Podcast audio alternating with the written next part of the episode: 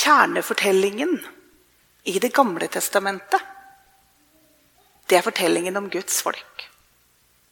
Om Gud som oppretta først en pakt med Abraham om alle etterkommerne han skulle få. De skulle være Guds folk.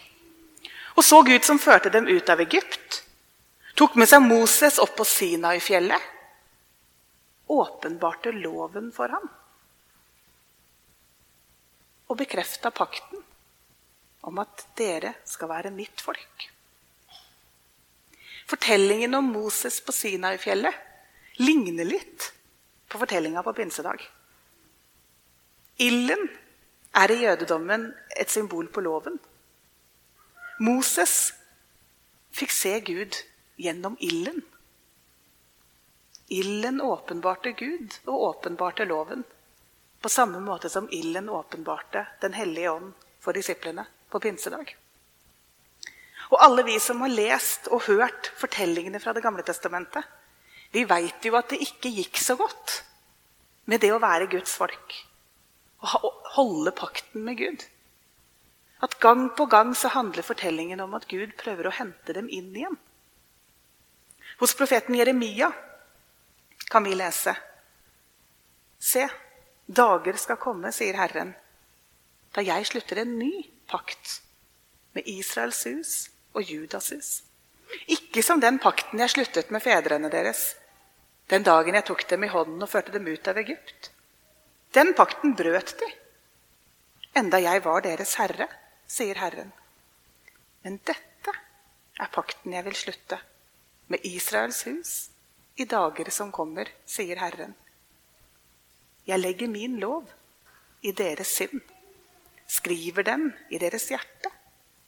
Jeg skal være deres Gud, og de skal være mitt folk. Og hos profeten Esekiel kan vi lese at Gud sier Jeg gir dere et nytt hjerte, en ny ånd inni dere. Jeg tar steinhjertet ut av kroppen deres og gir dere et kjøtthjerte i stedet. Jeg gir min ånd i dere og gjør at dere følger forskriftene mine, holder lovene mine og lever etter dem. Det som skjedde pinsedag, det var at ordene fra Gud, som først var skrevet i stein, nå ble rissa inn i levende hjerter. Jesus snakka også om å holde budene. I talen som han holdt til disiplene før han døde. Etter påskemåltidet, før de gikk ut i Getsemanehagen. Den som kjenner mine bud og holder dem, han er det som elsker meg. Vi kan lese det som et krav om å holde bud for å bli elska. Men vi kan også lese det som en konsekvens av å være elska. Vi veit en hel del om hvor viktig nærhet er for mennesker. Og hva som skjer når vi sitter med et lite barn i armene. Vi veit hvor viktig det er at vi snakker med barnet. Svarer på grimasene. Pludrer tilbake. Ansiktsuttrykk. Blikkontakt. Alle de åra med forskning på det har fortalt oss at vi er faktisk helt avhengige av at noen møter blikket vårt og snakker med oss når vi er babyer, for å bli de vi er ment å være. Vi trenger nærheten. Det å bli forlatt er noe av det verste vi kan oppleve. Vi trenger rettledning og kjærlighet og nærvær for å kunne bli de vi er ment å være. Den som har møtt Guds kjærlighet, blir i stand til å leve det livet Gud har gitt oss. Og det som gis gjennom Den hellige ånd, det er nettopp nærvær, relasjon. Det som gjør det mulig å elske Gud. Kanskje har vi hørt fortellingen på pinsedag veldig mange ganger. Om flammene på hodet og om disiplene som plutselig gjorde noe helt annet enn det de hadde pleid å gjøre. De kunne jo snakke helt andre språk. Plutselig våga de å gå ut på gatene og dele det de hadde hørt. En ganske voldsom fortelling om 3000 mennesker som ble døpt. De hadde ikke, de hadde ikke noe, klart noe sted på forhånd der alle disse kunne døpes. Så sannsynligvis så måtte de bruke, Og alle hadde ikke bad hjemme. og Det var ikke noe sånn stort offentlig bad de kunne bruke heller. Sannsynligvis så måtte de bruke badene til forskjellige privatpersoner i Jerusalem. Som åpna opp, og så fikk de, kunne bli døpt. Litt her og litt der. 3000 mennesker. Det er mye, det. Det må ha vært ganske rart å være der og høre summinga, stemmene og Peter som holdt en tale. Begynnelsen på en verdensvid kirke. Nå med ca. to milliarder mennesker. Da Gud skapte, hørte vi fra første Mosebok, så svevde Guds ånd over vannet. Og så blei det morgen. Den første dagen. Gud skapte lyset og den første dagen. Og I pinsa så skaper Gud på nytt igjen.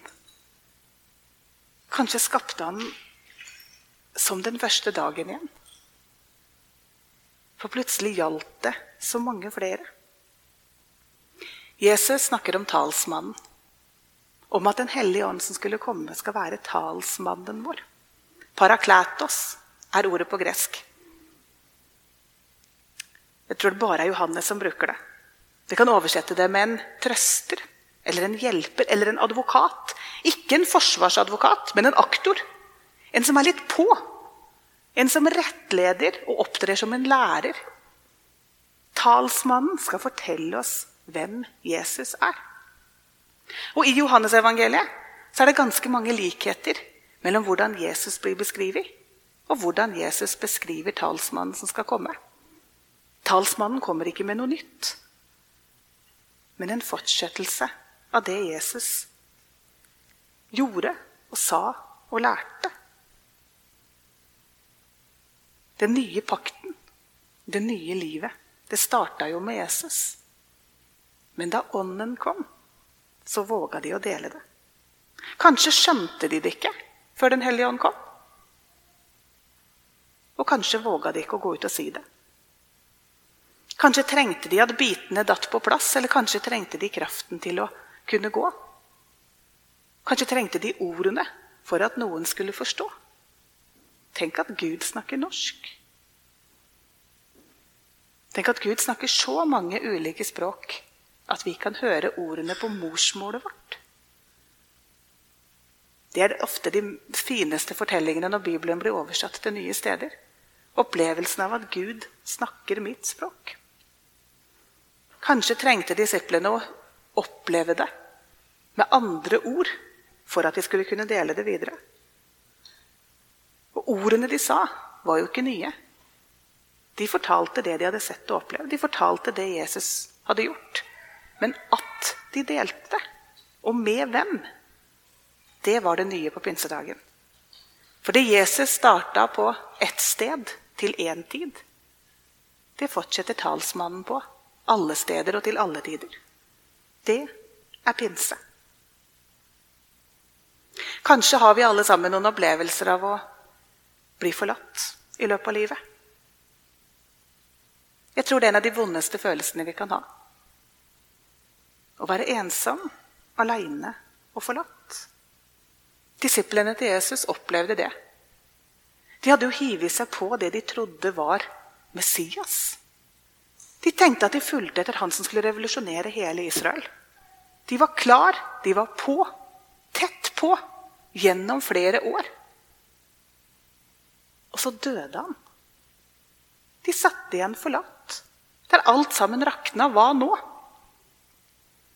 Og så er det i det tomrommet av fravær at Jesus møter dem igjen med sitt nærvær. Først ved at han kommer og sier 'fred være med dere', og puster på dem. Og så ved at han tar dem med på stranda og serverer dem brød og fisk. Og så ved at han rett før han forlater dem igjen, sier 'Jeg er med dere alle dager'. Det er ved Den hellige ånd han kan være det.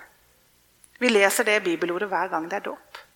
Løftet som ble gitt, ikke bare til disiplene, men til oss.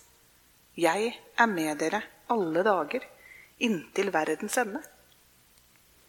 Jeg lar dere ikke bli igjen som foreldreløse barn. Jeg kommer til dere. Det løftet har Gud gitt sitt folk gjennom hele Bibelen. Og i pinsen så blir det løftet gjort tilgjengelig for oss. Den hellige ånd tar bolig i oss. Ikke bare i ledere og mellommenn, men i alle døpte.